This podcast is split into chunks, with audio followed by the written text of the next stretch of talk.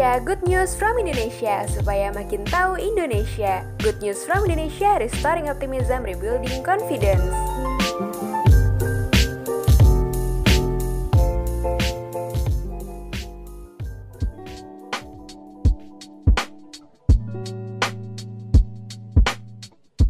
Pada dasarnya, generasi saat ini lahir pada zaman multitasking karena terbiasa melakukan banyak hal di satu waktu.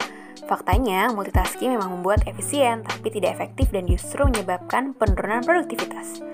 Alternatif paling tepat adalah monotasking karena bisa meningkatkan kemampuan produktivitas dan mengambil keputusan serta baik untuk kesehatan.